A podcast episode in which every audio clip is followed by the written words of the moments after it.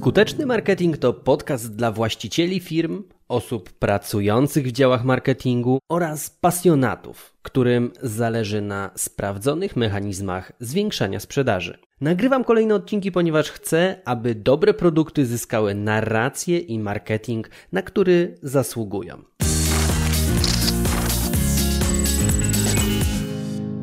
Dlaczego warto regularnie wysyłać biznesowe sygnały chociażby do internetu? No, jest ten odcinek przede wszystkim nagrany dla osób, które przypomina się o marketingu, gdy sprzedaż zaczyna kuleć. Mówię o nim dlatego, bo właśnie pękło mi 100 tysięcy odsłuchów podcastu. 100 tysięcy.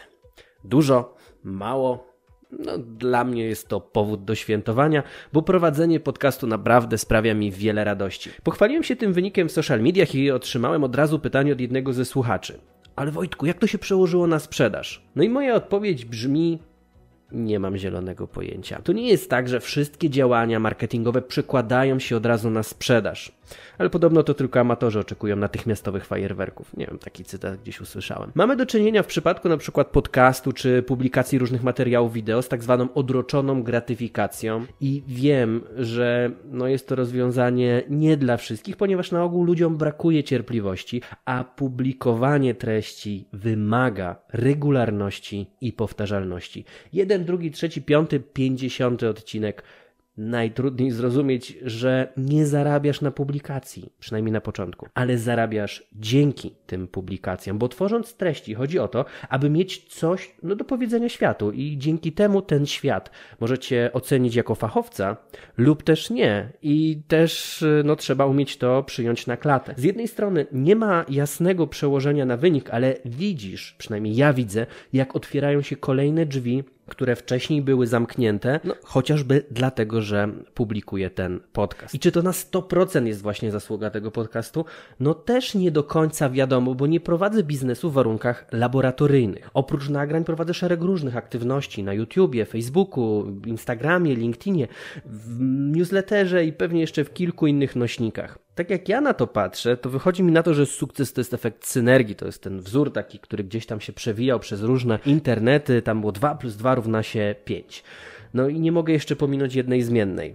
Albo mamy do dyspozycji gorący produkt, albo budujemy gorącą społeczność. I podcast wspomaga rozwój właśnie gorącej społeczności. Sam fakt, że potrafisz przez wiele lat, każdego dnia wysyłać biznesowy sygnał, że jesteś aktywny zawodowo i że masz coś do powiedzenia w swojej branży, mówi sam za siebie. Przez ten czas nazbiera się tyle doświadczeń, które zaprocentują w wielu obszarach działania. Dbanie o stałą ekspozycję swojej marki, a w tym przypadku twarzy czy też głosu, no to inwestycja o najwyższym procencie zwrotu. Dużo lepiej zapamiętujemy chociażby twarz czy właśnie głos niż logotypy i inne znaki. No bo co by się stało, gdyby tak załóżmy, Twoja twarz na stałe została powiązana z wysoką jakością w Twojej branży.